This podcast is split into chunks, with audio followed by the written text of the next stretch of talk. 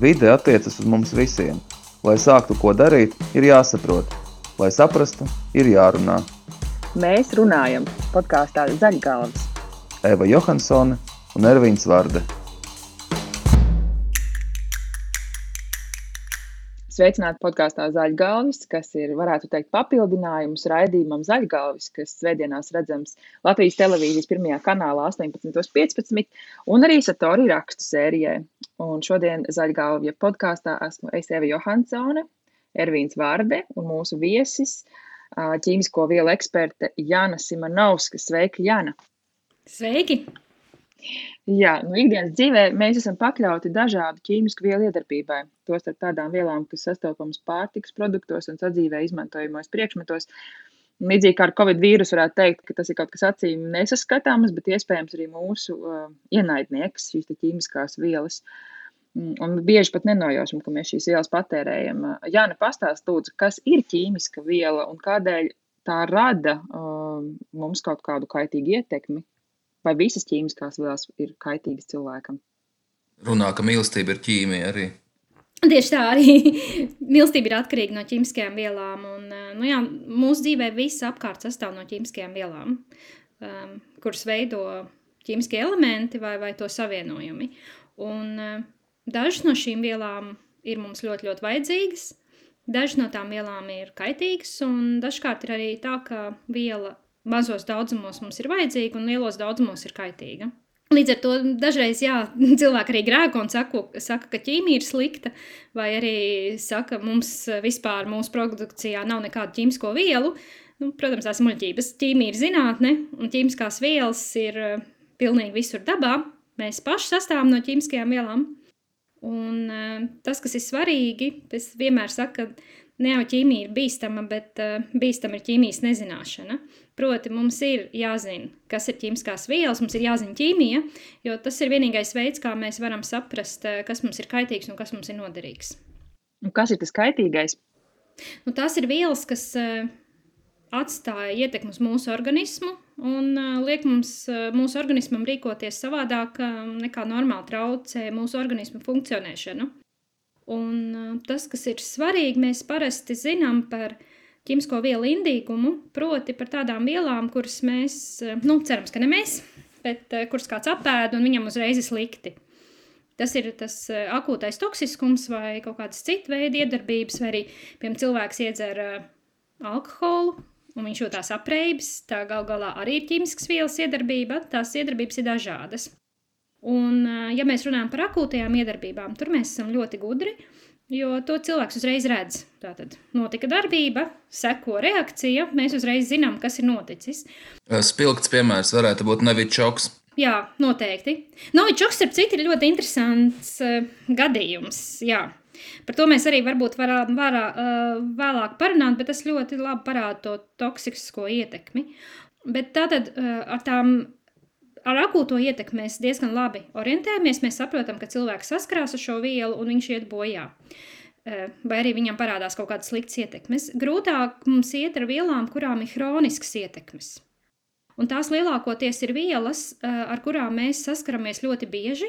Piemēram, ja tās ir pārtikas iepakojuma sastāvdaļas, vai arī tās ir vielas, kas, piemēram, vidē nenoārdās, arī mūsu organismā, ja viņas nonāk nenoārdās, paliek kaut kur uzkrājas mūsu orgānos, un tad nelielas devas ilgstoši mūs ietekmē.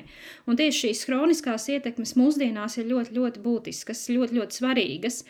Un mēs esam kā cilvēki iemanījušies vidē palaist ļoti lielu daudzumu jaunu sintēzētu ķīmisku vielu, kas vidē nenoārdās. Un tā ir tiešām nopietna problēma, jo mūsu organisms saskarās faktiski ar tādu uh, kā ķīmisko vielu kokteili. Un vēl viena problēma ir tas, ka šīs vielas, tad, kad tās izvērtē to bīstamību, šobrīd likums pieprasa, lai pirms vielas laišanas tirgū tā bīstamība tiktu izvērtēta, bet to bīstamību izvērtē tikai attiecībā uz šo konkrēto vielu, un tas, ko neskatās, kā strādās šī viela sadarbībā ar citām vielām. Bet tā ietekme nerekti var būt daudz spēcīgāka. Ir kokteļa efekts. Un faktiski ne pesticīdu novērtēšanā, nu, kas ir indis pret kaitēkļiem, ne arī to pašu pārtikas iepakojuma piedevu gadījumā šo kokteļa efektu neskatās. Un tā ir atkal viena problēma, jo pie šādām nelielām devām, par kurām mums līdz šim šķita, ka tās ir absolūti nekaitīgas, tad, kad šīs vielas viss sanāk kopā un, teiksim, sadodās rokās, tad, viņi, tad to iedarbība daudz spēcīgāka. Un par to novičoku ir labs piemērs, jā, jo mm, jūs arī zinat, ka ne jau vien tikai novičoku izmanto, izmanto arī, piemēram, polonija, ja nemaldos, izmanto indēšanā. Un ar poloniju ir daudz smagāk, jo polonijas ir radioaktīvs, viņš nokļūst organismā, viņš ne, neizkļūst ārā, un tad eh, šis polonijas ilgtermiņā ietekmē organismu. Ja cilvēkam iedod uh, poloniju, tad viņš ir lēmts ļoti skarbai, ilgstošai nāvei, jo šī inde lēnām sagrauj visus orgānus. Tas ir arī tas, ko mēs diemžēl redzējām, kad ir zināms, eh, ar ko cilvēks ir saindēts, viņu mēģina, viņam mēģina palīdzēt, bet diemžēl viņam nevar palīdzēt. Jo, jo tā ir radioaktīva viela. Bet tas tāds īpašs izņēmums. Bet ar novičoku, jā, eh, viela iekļūt cilvēku organismā, izdarīja slikto darbu, un pēc tam tās vielas vairāk organismā faktiski nav. Un tā ir tā interesantā lieta ar to novičoku, kāpēc tik viegli nav viņu izmantot indēšanā, jo, protams, tā ideālā inde ir tāda, ka mēs iedodam to cilvēkam, un pēc tam neviens nevar pateikt, kāpēc cilvēks ir nomiris. Un šī iemesla pēc to indi ir jāiedod ļoti nelielās devās. Atkal iedodot nedaudz vairāk, atliekas mēs varēs noteikt vēlāk. Un līdz ar to tāpēc, tur ir tas ne tik vienkārši. Gribu indēt, bet uzreiz nevar paredzēt to pareizo devu, lai no vienas puses sliktais darbs ir izdarīts, bet no otras puses nekādas pēdas arī nav. Mm. Es atceros, ka studēju ekofeminismu, mums kā tādu piemēru mācīja par DDT to apsmidzināšanu, un ka sākotnēji, lai pierādītu, cik nekaitīgi tas ir, ka var droši apsmidzināt pat bērnus, un bija Amerikā joprojām ir redzami tie reklāmu plakāti un arī video rolīši, kur bērnus apsmidzina DDT, rādot, cik tas ir droši. Un tagad jau mēs, protams, zinām, ka DDT ir kaut kas ļoti uh, indīgs un to neizmanto, bet kāpēc par Ameriku ierunājos, jo man vienmēr ir bijusi sajūta, ka Eiropa ir nu, mazliet tāda kā droša drošāka vieta, jo Eiropas komisija, Eiropas parlaments un daudzās darba grupas, kur ir dažādi ķīmiķi, nevalstiska organizācija pārstāvji, aktīvisti, vidas cilvēki, viņi tomēr, man gribas ticēt, nepieļauj tik daudz ķīmisku sarežģītu vai uh, bendējošu vielu ietekmi, vai vismaz tās, kad es arī studēju bioloģiju, mums mācīja, ka tās devas, ko patērē, ir ļoti mazas, salīdzinot, piemēram, ar Indiju vai, vai dažām Āfrikas valstīm vai ar Ķīnu. Kā ir, vai Eiropa ir salīdzinoši droša vieta? Mēs vismaz varam būt droši, ka formāli tie kriteriji ir diezgan stingri. Es domāju, vismaz drošākā pasaulē. Tas gan noteikti. Jo Eiropa ir mm, ķīmisko vielu drošības ziņā pirmrindniece. Eiropas likumi ir daudz stingrāki nekā visur citur. Mēs pilnīgi noteikti Eiropas likumi ir stingrāki nekā Amerikā. Ir tikai daži atsevišķi izņēmumi, kur varbūt Amerikā ir stingrāki likumi. Un uh, ir arī tā, ka, piemēram, tajā brīdī, kad Eiropa vēlās pieņemt stingrākas normas, eh, mainīt savu likumdošanu, eh, pārējās valsts raugās ar bažām, jo Eiropa ir tomēr liels eh, tirgus spēlētājs, un tajā brīdī, kad Eiropa veids kaut kādas izmaiņas, tas pirmkārt attiecās arī uz visiem ekspor, tiem, kas vēlās eksportēt uz Eiropu savus, savus vielas vai, vai, vai arī dažādas preces. Un eh, viņi saprot, ka tad viņiem arī kaut kas jāmaina. Līdz ar to, te, piemēram, desmit gadus atpakaļ, kad Eiropa mainīja savu likumdošanu, tad uh, bija arī spēcīga pretestība arī no ASV tirgotājiem, un, un, un tur bija nopietnas pārunas. Un, piemēram, arī pirms kāda laika, kad bija Eiropas un Amerikas tirzniecības pārunas, uh, ķīmisko vielu likumdošana bija viens no jautājumiem. Jo nu, tās Eiropas normas ir ļoti stingras, tās nav viegli ievērot. Es uh, nesen lasīju komentāru, uh, ko rakstīja kaut kādi kārtējie covid skeptiķi un tam līdzīgi. Un uh, kāds teica, ticiet, lūdzu, zinātnē, un viņi argumentēja, ka zinātnē atbalstīja savulaik DDT, un, un ka tas ir kontrarguments. Un ko uz to var atbildēt? Nav vienkārši. Cilvēki grib ticēt kaut kam vienam, un cilvēki grib melnbaltu pasauli. Un tāpēc arī ir cerība, ka zinātnē ir kaut kas absolūti nekļūdīgs. Bet zinātnē nav nekas nekļūdīgs. Es vienīgi varu pateikt, ka zinātnē ir labākais instruments cilvēka rokā, cilvēks rokās, lai nonāktu pie patiesības. Bet tas, ka šis instruments nevienmēr nostrādā labi un ka dažreiz mēs kaut ko arī uzrokam ne tā, ko mums vajadzētu, tas, tas ir normāli. Protams, zinātnieki atklāja DDT, par to pat piešķīra Nobel prēmiju. Un sākumā cilvēki arī neko nezināja par tām kroniskajām ietekmēm. Tā patiešām arī bija, ka mm, DDT plaši lietojot, tā hroniskā, akūtais toksiskums zīdītājiem ir zems. Mēs tiešām varam pat putru apēst ar DDT, un tajā brīdī nekas slikts nenotiks. Un tā zināšanas par hroniskām ietekmēm parādījās tikai vēlāk, un es gribētu teikt, ka tā, ka cilvēks, kas pievērst tam vērību, arī bija zinātniece. Tā bija Reičela Kārsone, kas pirms 60 gadiem sarakstīja savu grāmatu par kluso pavasari, kas bija patiešām ļoti, ļoti būtisks ieguldījums vidas aizsardzībā vispār, un viņa bija zinātniece. Un starp citu, to grāmatu es arī nesen pārlasīju. Man nav kur iebilst. Viņa ir lietojusi toreiz, runājot par šīm problēmām, viņa ir bijusi absolūti tālredzīga.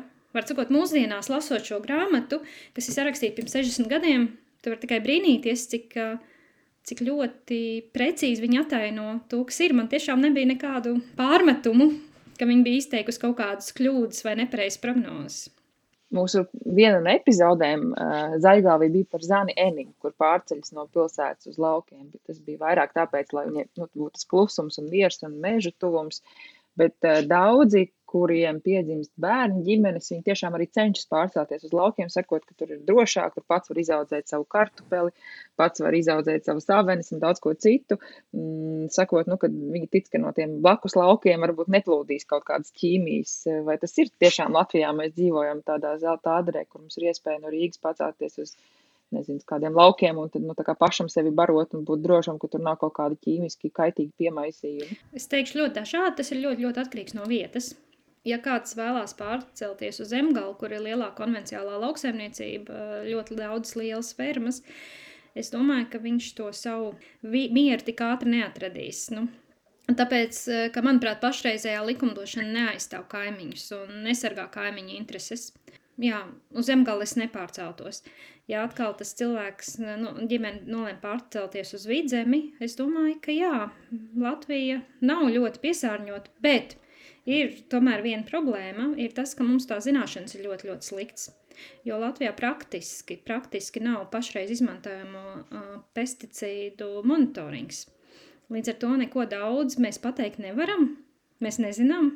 Mums, uh, un, un pesticīdu patēriņš pēdējos uh, desmit gadu laikā ir krietni, krietni izaudzis. Uh, Līdz ar to mums nav iemesla domāt, ka ir tāda zaļa valsts Latvija. Nu, nav zaļa valsts Latvija, diemžēl. diemžēl. Jā, tas bieži vien izskan, ka mēs esam otrā, trešā zaļākā valsts pasaulē, dēļ tā, ka mums ir tā hidroenerģija, bet tā paskatās citus tos datus, izskatās, ka tā nemaz nav. E, bet es gribēju pajautāt, pirms vārdi kaut ko pajautāt, vēl vienu jautājumu. Tu esi ķīmisko vielu eksperte, un kā tu pati ikdienā izvairies no kaut kaitīgu vielu patērēšanas? E, ilgi mērcē ūdenī veiklā pirktas ogus un augļus, piemēram, vai pērc e, pārtiku tikai no zināmiem zemniekiem. Kādi ir tavi tie praktiskie ieteikumi, kā mazināt šīs kaitīgās vielas? Jā, e, e, es esmu pārdomājusi dzīvesveidu. Un e, viens, kas ir, mēs, es faktiski lietoju tikai sadzīves ķīmiju ar, ar ekomarķējumu. Tad es zinu, ka es varu paļauties, bet kas ir arī svarīgi, ir jāzina, kuram ekomarķēm uzticēties, jo tas, ko arī, diemžēl, saka arī jau kontrolējošās iestādes, ka ļoti daudzi kaut kādi zaļie paziņojumi tirgu ir maldinoši. Līdz ar to faktiski cilvēkam ir jābūt ekspertam, lai tirgu redzētu, kur ir īsti, īsti vidē draudzīgi produkti un kur ir nē. Otrs, mēs arī, tad, kad mēs domājam par savu māju, mēs daudz domājām par to, kā iekārtot mājas interjeru un, un ko darīt, lai varētu izvairīties no mm, ķīmisku vielu piesārņojuma iekštelpās, kas ir ļoti, ļoti atkarīgs no, no, no tā, kā mēs, nu, kādas paklājas mēs lietojam, kā sienas mēs krāsojam, kādas mēbeles mēs ienesam. Un, Un neredz cilvēki domā, ka ārā uz ielas gaisa ir tik piesārņots. Nē, ļoti daudzās mājās īstenībā iekštelpu klimats, iekštelpu gaisa jau ir piesārņots. Trešais, es ļoti cenšos pirkt bioloģiskus produktus, un par ko man ir prieks, ka pēdējo piecu gadu laikā tā pieejamība bija daudz, daudz labāka. ja kādreiz tos vajadzēja medīt ar uguni, tad šobrīd pat Rīmī var nopirkt bioloģiskos produktus.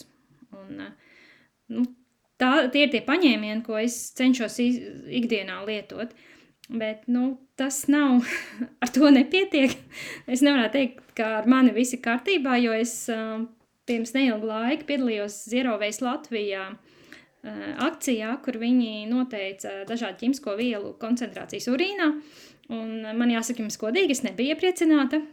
Un, protams, mēs ne nevaram pilnīgi izslēgt šīs ķīmiskās vielas, jo, piemēram, es kaut vai pasūtu mm, ēdienu no restorāna, Un tie trauki, kuros man atved, arī satur šīs vielas nelielās devās. Un uh, nelielās devās arī nonāk pārtikā. Uh, līdz ar to, jā, tas, uh, es pat šo, tur, tajā dienā nebiju pierakstījusi, ko es ēdu un ko es darīju, bet tās vielas, kuras atradu manā urīnā, viņas, jā, es tajā dienā kaut kur biju noteikti uzņēmusi. Un, uh, nu, tā ir viena no problēmām, ka faktiski dzīvot šajā pasaulē, uh, mēs varam daudz ko darīt, bet, faktiski, bet ne visu mēs varam izdarīt. Ļoti daudz kas ir atkarīgs tiešām no, no, no likumiem. Mēs filmējām uh, nesen raidījumu Getliņos tieši un runājām par lielo talku tā skaitā. Un, Par to, ka no plasmasas dabā izdalās milzīgs daudzums skaitīgu vielu, un es padomāju, kā mēs varējām šajā punktā nonākt, ka mēs attopamies tikai tad, kad mēs saskatām, ka mūsu indē mēs paši Kas tur no, no šajā procesā notika nepareizi? Kāpēc mēs aizgājām tik tālu jau? Es domāju, tas ir ļoti lielā mērā saistīts ar uzvedības ekonomiku. Man tāpēc arī, nestoties to, ka esmu vidus inženiere, es ļoti daudz lasu tieši par cilvēku uzvedību, jo tur ir vainīga mūsu uzvedība. Viens ir tas, ka mēs ilgtermiņa efektus uh, neredzam, bet uh, īstermiņa ērtības mēs pamanām. Mums patīk uh, ērtas lietas. Es pat teiktu, galvenais ir ērtība. Nu, tos pašus pesticīdus. Tos jau neizmanto tāpēc, ka kāds grib kādu noindēt. Pesticīdi vienkārši bija ļoti ērts, vienkārši risinājums, kā mēs tiekam galā ar kaitēkļiem. Nosmidzinam un viss. Tāpat arī par daudzām ķīmiskajām vielām. Viņas pieliek klāt ne jau tāpēc, ka kāds grib kaitēt, viņas pieliek klāt tāpēc, ka viņām ir ļoti labas īpašības. Viņas, piemēram, uzma, uzlabo plasmas plasmas elastību, ilgnoturību, izturību pret uguni. Tās ir ļoti labas lietas, bet tas, kas nav darīts, mēs cilvēks toreiz neiedomājas, ka varbūt šīs ilgtermiņa ietekmes, piemēram, par tām vielām, kas uh, ietekmē mūsu hormonālo sistēmu, cilvēki vispār sāk runāt 90. gadu sākumā. DDT arī atklāja 40. gados, par ietekmi sāk runāt kaut kādos 50. un 60. gados, tad, kad mēs li liek, rīkojamies kā džinu palaižot. Vispirms mēs to džinu palaižam no pudeles, un tad mēs uh, skatāmies, kas ar tur notiks, un daudz lietas mēs nevaram paredzēt, jo mēs vienkārši pat nezinām.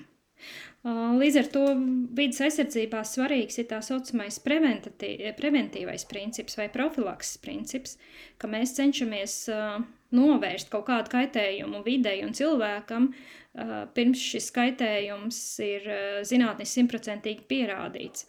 Un tur atkal, jūs jau zināt, kādas ir tās diskusijas. Līdz tikko zinātnieki sāk runāt par kaut kādu kaitējumu, tad momentā būs raudas no biznesa puses, ka mūs apspiež un mums neļauj, jo nu, biznesa domā savādāk. Mūs var iegrožot tikai tad, kad jau ir pilnīgi slikti.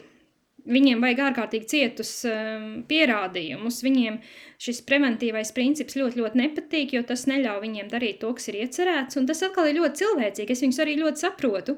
Ja tu esi pieredzējis kaut ko darīt, un pēkšņi viens atnāk un saka, zini, tas, ko tu dari, iespējams ir kaitīgi, nu, mēs jau arī nemainītu savu dzīvi tāpēc vien vai ne. Es gribēju vēl tikai piebilst, ka arī Latvijā tiek veikti dažādi pētījumi šobrīd, jo sākumā tas džins ir palaists, un tagad tiek veikti pētījumi, kāda ir tā ietekme, un kā ir pie mums, cik ķīmisku vielu pildīt esam mēs Latvijā. Un šobrīd tiek veikts plašs pētījums par pesticīdu identificēšanu cilvēku organismos un par elektroniskajiem atkritumiem. Un vadošā pētniece, kas šo veids, ir Ines Mārtiņsone. Palūdzam, lai viņa sīkāk pastāst par to, vai un kā pēta ķīmisko vielu daudzumu mūsu organismos.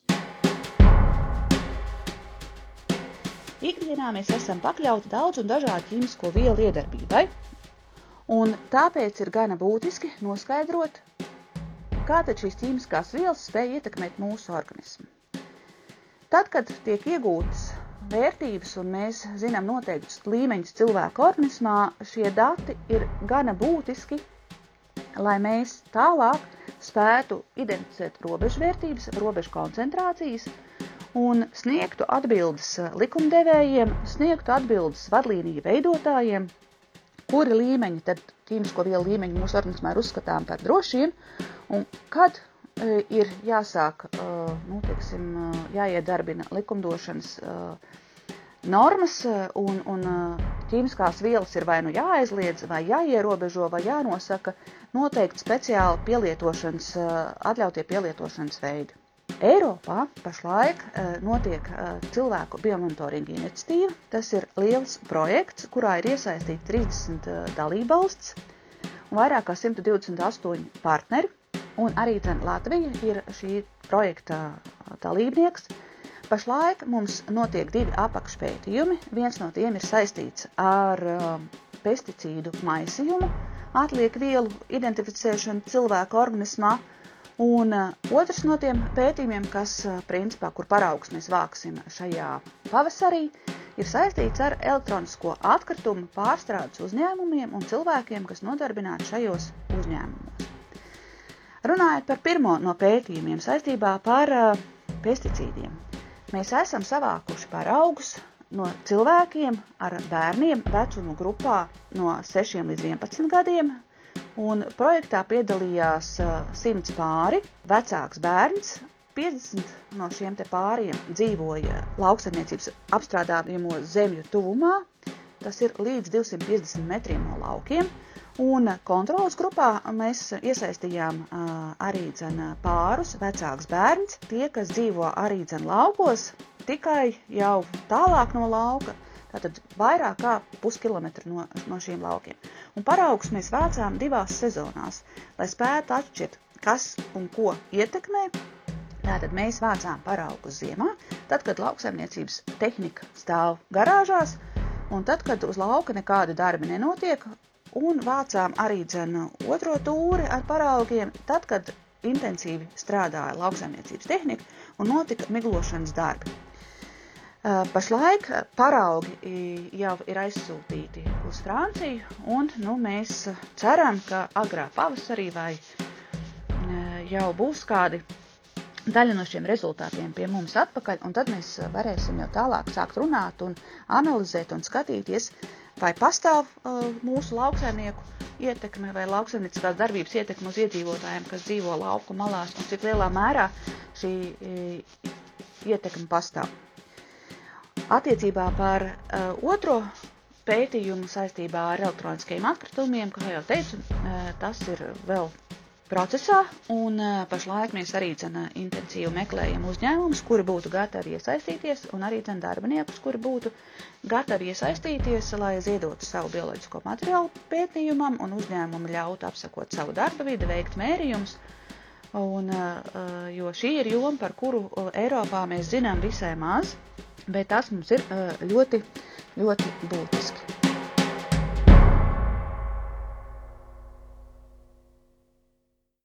Un šobrīd uh, uzsākta iedzīvotāju aptauja par cilvēku biomonitoringu, ko veic Rīgas Stradiņa Universitāte. Atbildiet, atbildot uz jautājumiem, mēs varam palīdzēt labāk izprast Latvijas un Eiropas iedzīvotāju vajadzības. Iegūtā informācija būs anonīma un tiks apstrādāta konfidenciāli un pētījuma rezultāti tiks publicēti internetā.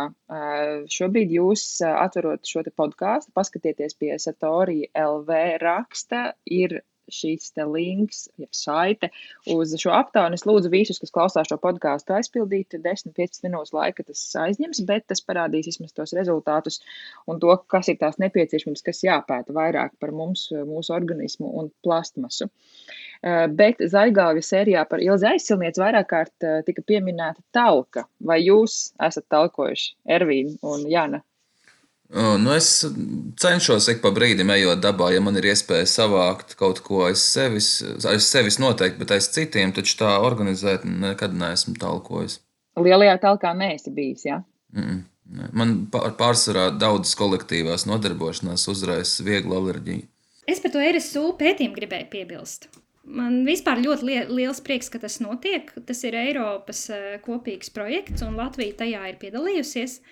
Un es ļoti, ļoti ceru, ka mm, Latvijas valsts uh, sapratīs, cik tas ir svarīgi, un arī atbalstīs šos pētniekus uh, ilgstoši, tā lai viņi var uh, turpināt. Un, un, lai nav tā, ka ir uztaisīts mērījums uz, uz pārsimtiem vielu uz vienu brīdi, un tālāk nē, es ļoti, ļoti ceru, ka šiem pētniekiem būs iespēja turpināt savu pētījumu un skatīties vispār, kādas ietekmes uz mums ir, jo tas ir labākais veids, kā mēs varam saprast, vai kaut kas ir jāmaina. Es atcerējos, man bija ļoti forša skolotāja vidusskolā vācu valodas. Viņa bija ļoti, ļoti veca un ļoti, ļoti gudra. Viņa mums reiz, nezinu, kādā saistībā vācu stundā stāstīja, ka, ja viņai kāds jaunībā teiktu, ka viņa ūdeni pirks pudelē, viņa smietos kā traka, jo, nu, kā, protams, ka var pirkt limonādi, var pirkt šampanieti, bet kāpēc pirkt ūdeni? Un tad viņa pat pie sevis atceros pie tāfeles stāvēja un domāja tā skaļi, nu jā, bet nu, mēs nebūtu arī domājuši, ka mēs tik daudz notekūdeņos laidīsim iekšā visu kaut ko, ar ko mēs mājās mazgājam palodas, ar ko mēs mazgājam traukus, tas viss aiziet tālāk un mēs to dzeram. Un, un man personīgi tā, par tām talkām runājot, es esmu piedalījusies vairāk kārt piekrastes tīrīšanā, un tas, ko es nevaru nepamanīt, ir ausu tīrāmie kociņi, kas ir ļoti, ļoti daudz. Tad ir izsmēķi, un trešais, protams, ir plastmasas pudeles. Un, un, tā kā, man līdzīgi kaut kāds influenceris reklamē ūdeni plasmasā vai kaut kā, man tā kā pilnīgi pretreakcija rodās. Es nezinu, es, es esmu ļoti miermīlīgs cilvēks, bet šīs tās reizes es redzu kaut kādas pudelu reklāmas un ūdeni, es savu vācu skolotāju atceros. Respektīvi, tas, šis garais ievads ir jautājums tam, ko mēs varam darīt. Nu, viens, protams, vēlreiz un vēlreiz runāt par to, ka ūdens Latvijā ir ļoti labs un dzerams no krāna, un vismaz ūdeni mēs varam nepirkt pudelēs. Ja mēs turpinām tīrīt ausis vai smēķēt, tad vismaz to ūdeni mēs varam nepirkt. Varbūt tev, Jāni, ir kaut kāds tāds konkrēts ierosinājums, ko var darīt. Nu, tagad jau mēs zinām, ka jā, tās ķīmiskās vielas ir sliktas, atstāja sliktu ietekmi, samazinās auglību un daudz kas cits, un hormonālā sistēma tiek ietekmēta kas tas, ko varam darīt. Tu esi ļoti aktīvi tieši zero veist kustībā arī. Jā, tas ir mainījies mūsu dzīvē. Mūsu dzīvē ir ienākuši ļoti, ļoti daudz vienreizējas lietošanas priekšmeti. Nu, tās ūdens pudeles ir viens no tiem piemēriem.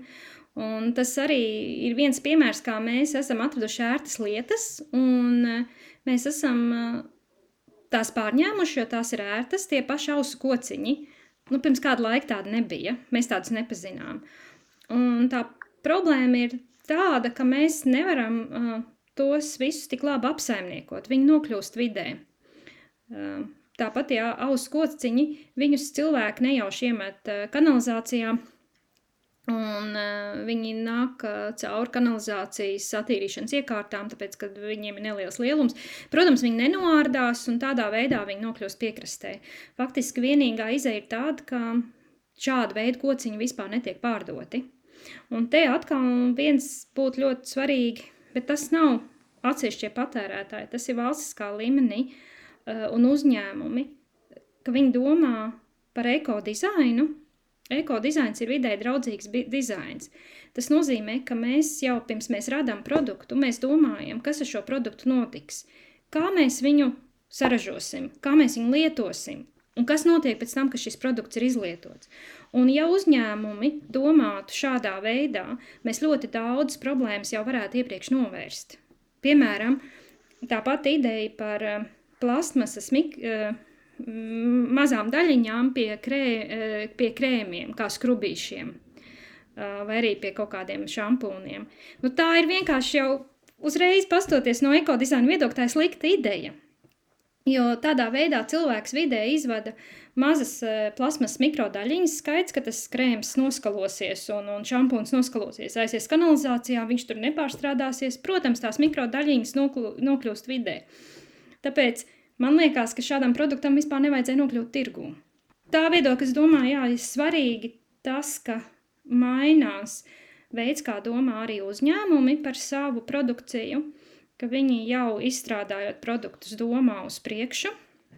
Tāpēc būtības ir arī tagad tā aprits ekonomikas ideja, ka mēs uzreiz domājam par to, kā šis produkts, eh, kas ar to notiks, kā šis produkts nokļūs vidē, nenokļūs. Un kam pievērš ļoti lielu vērību, ir, lai vielas būtu labi pārstrādājamas, ja nokļūst vidē. Lai viņas labi noārdītos. Jo vidē, nu, piemēram, kas notiks, ja mēs pametīsim sērkociņu vidē? Nu, viņš pēc kāda laika kļūs pa zemi, vai ne? Viņš vienkārši zemē satrūdēs. Un, un, un, un, un tas, kas būtu arī svarīgi, jā, ka tās lietas, kuras mēs varam pārstrādāt, mēs pārstrādājam un neļaujam nokļūt vidē. Un savukārt tās viela, lietas, no kurām mēs nevaram izvairīties, kas nokļūst vidē, tās ir tādas, kuras mēs varam, kuras kļūst par vidas sastāvdaļu laiku. Nesen uh, zaļgalvis, aka Ervīns vārdi bija uzkāpis atkritumu virsotnē. Pastāst, cik uh, tu biji getliņos, bet cik tu pats, ja esi pavērojis atkritumus saražo? Kā tev iet ar šķirošanu vai, vai zīro veids dzīvesveidu? Nu, es diemžēl nevaru palielīties, ka, ka visu šķiroju, bet nu, cenšos. Un uh, visu laiku arī par to domāju tādā veidā, ka nopērkot kaut kādu produktu, uh, Un paskatoties, kas no viņa paliek pāri, ir kaut kādi vairāki eh, maisiņi. Un tu domā, nu, varētu to kaut kā saīsināt, priekš kam tie trīs maisi vai kaut kādas plasmas karotes. Es cenšos, jā, bet, eh, bet getliņos redzētais bija tāds surreāls, tāpēc, ka tu redzi, kā piebrauc mašīnas, no kurām ber ārā to, ko mēs pērkam IKEA. Tieši tas sastāvs tur bija kaut kādi oficiāli krēsli, mēbeles eh, kaut kādi biķieri, ko dāvina uh, korporāciju sacensībās uzvarētājiem. Nu, tādi absolūti ikdienišķi oficiāli priekšmeti, kas tiek samalti un saprasēti ar milzīgu traktoru, kuram ir dzelzs riteņi, saprasēti no tonnas līdz vienam kvadrātmetram. Un uh, turpat nedzīvo žurkas, jo tas ir pārāk blīvs materiāls. Un stāvot tā kalna virsotnē, protams, jā, tas ir tas neaizmirstams skats un, un tās kājas. Tā. Nu, jā, var sakot, tas diezgan, tas skats bija tāds, lika vienkārši pārdomāt vēlreiz katra priekšmeta iegādes nepieciešamību. Man arī nu, tieši no atkrituma izgāstuvēm man ir vienreiz atceros, bija ļoti, ļoti surreāla pieredze. Jo es arī biju getliņos, bet tas bija ļoti, ļoti sen, kad getliņi vēl nebija pietiekoši labi apsaimniekoti. Es atceros ainu, ka mēs uzkāpām Getliņa kalnā, un toreiz vēl cilvēki dzīvoja Getliņos. Un tad es redzēju savu vecumu meiteni, sēžot vannā un ēdot apelsīnu mizu. Un, tas man lika tā ļoti aizdomāties arī par to dzīves īstenību un to, ka nu, mēs atrodamies absolūti dažādos apstākļos, un, un, un kas ir līdz tai meitenei nokļūt tādos apstākļos, un, un, un kāpēc tā.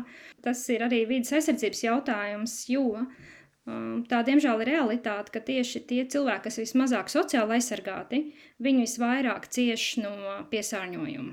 Ja mēs runājam par tām pašām ķīmiskajām vielām, piemēram, ja es dzīvoju laukos, kur blakus ir liels saimnieks, un man ir liels iespējas – es varu, vai nu es varu cīnīties pret viņu, rakstīt vēstules vēl kaut ko, vai arī es varu pārdot mājas un meklēt citas mājas. Var sakot, ja, ja cilvēks ir nodrošināts, viņam ir lielas iespējas cīnīties. Tas pats arī ar dažādiem ķīmiskajiem līdzekļiem. Ja cilvēks ir nodrošināts, viņam ir alternatīvas. Viņš var izvēlēties arī māju vietu, viņš var veidot savu māju vietu. Un savukārt, ja cilvēkam tās iespējas, izvēles iespējas ir mazākas, viņš daudz nopietnāk cieš no, no tā piesārņojuma. Un, nu, tas, protams, attiecās ne tikai uz mums, bet arī citām valstīm. Piemēram, lai mēs dabūtu kaut kādus produktus, kas mums ļoti patīk, un citās valstīs tāpat uh, šķērdē vidas resursus, uh, piesārņo vidi, lai atrastu derīgos izrakteņus. Kā vidas jautājums, tas ir ne tikai tāds. Uh, zaļš jautājums un par dabas aizsardzību. Tas ļoti daudz ir arī par eh, sociālo aizsardzību un par cilvēku tiesībām dzīvot tīrā vidē. Varbūt katram kādreiz jāizbrauc ciemos uz atkritumu izgāstu un jāpaskatās. Ar šo, šo aicinājumu es arī labprāt noslēgtu šīs dienas sarunu un podkāstu. Paldies, Jānis Imanovski, par, eh, par tavu laiku un par tavu ekspertīzi.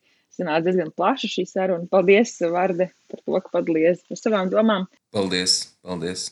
Paldies arī Vides aizsardzības fondam, kurš, kurš atbalsta šo podkāstu raidījumu un arī Satorija rakstu sēriju.